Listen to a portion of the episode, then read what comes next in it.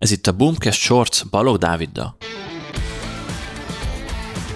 Ebben az adásban arról fogunk beszélni, hogy mi az a Quality Score, a minőségi mutató Google hirdetéseknél, és hogy miért van ebből 7 különböző. Igazából maga a minőségi mutató egy mérőszám, egy 1 és 10 közötti skálán, ami megmutatja azt, hogy te, mint vállalkozás, ugye aki ez a Google Ads fiók, milyen minőségű hirdetéseket gyártasz és használsz.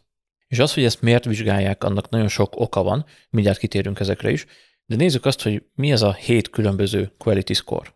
Először is van az account level quality score, tehát ez a fiók szintű minőségi mutató, aminek egyébként nem megerősített hivatalosan a létezése, de így a szakmában úgy gondoljuk, hogy ez azért létezik, és igenis egy belső mérőszám a Google számára.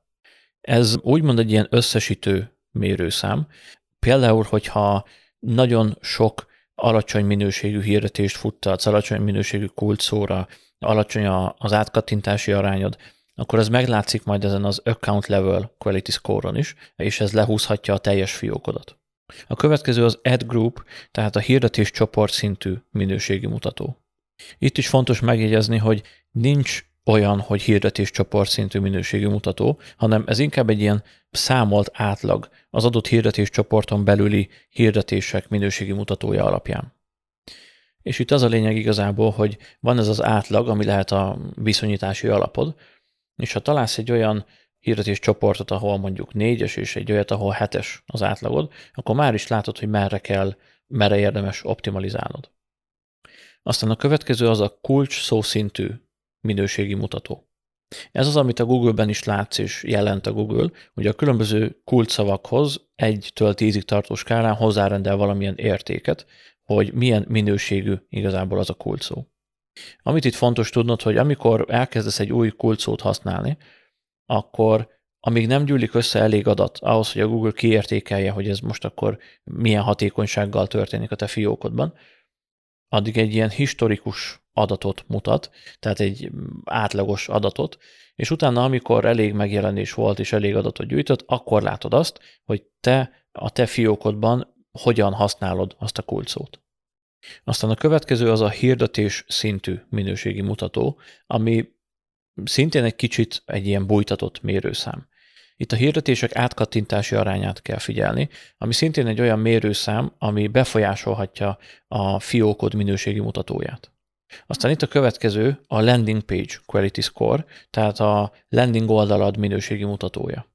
Ugye ez a hivatalos Google Info alapján, a Google azt mondja, hogy három fő szempont van egy-egy landing oldal kiértékelésekor. Az, hogy mennyire releváns és egyedi a tartalom, hogy mennyire jól navigálható az oldal, és hogy mennyire átlátható, úgymond, az egész landing oldal.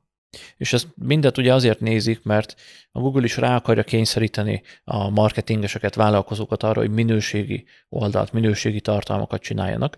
Ugye itt landing oldal alatt nem feltétlenül csak a landing oldalakról beszélünk, hanem minden olyan érkező oldalról, ahová forgalmat irányítasz. Ez lehet akár termékoldal, akár kategória oldalai webshopban.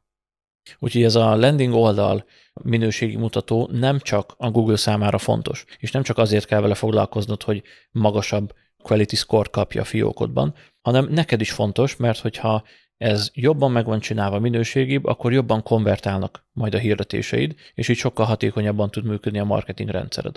Egyébként a felületen ne keresd a landing page quality score-t, mert nincs ilyen hivatalosan megjelenítve, de hogyha bármilyen hibát érzékel a Google, akkor ugye azt megmutatja neked, hogy érdemes lenne ezt és ezt kijavítanod. És azt is tudjuk, hogy a kulcsszó szintű minőségi mutatónál szerepet játszik az, hogy milyen minőségű az a landing oldal. A következő, az utolsó előtti most már, ez a Display Network Quality Score. Igazából itt semmi különös nincsen, ugye maga a Display Network az teljesen máshogy működik, mint a klasszikus Search, tehát ez egy teljesen különálló dolog szokott lenni általában. És itt is számolnak egy ilyen minőségi mutatót, ami ugyanazokat figyeli, a historikus adatok, a kulcsszó és a hirdetés szintű relevancia és a landing oldal, az érkező oldalnak a minősége. Végül pedig a leges legutolsó a Mobile Quality Score, ami kifejezetten a mobil böngészőknél jön elő. Erről én azt a hivatalos Google Infót találtam, hogy ezt ugyanúgy számolják, mint a többi quality score tehát nem különböztetik meg azt, hogy mobilos vagy asztali eszközről böngész most valaki valamit. Viszont, hogyha egy mobil eszközön egy rossz minőségű landoló oldalra viszed a kattintókat, mondjuk azért, mert nem responsív az oldal, az bizony le fogja nyomni a quality score-t is, tehát én azt mondom, hogy egy ilyen mobil quality score-t is érdemes vizsgálni, amikor kiértékeled a hirdetései teljesítményét. És ennyi lett volna a mai Boomcast Shorts. Ha még valamiért nem tetted volna, akkor iratkozz fel a csatornánkra, mert hetente három új Boomcast shorts fogunk jelentkezni. És érdemes belépned a zárt Facebook csoportunkba is, ahol akár személyesen velünk is beszélgethetsz, de kérdéseket is tehetsz fel, és a közösségünk tagjait is megtalálod. Gyere és csatlakozz hozzánk, a linket megtalálod a leírásban. Találkozunk a következő adásban.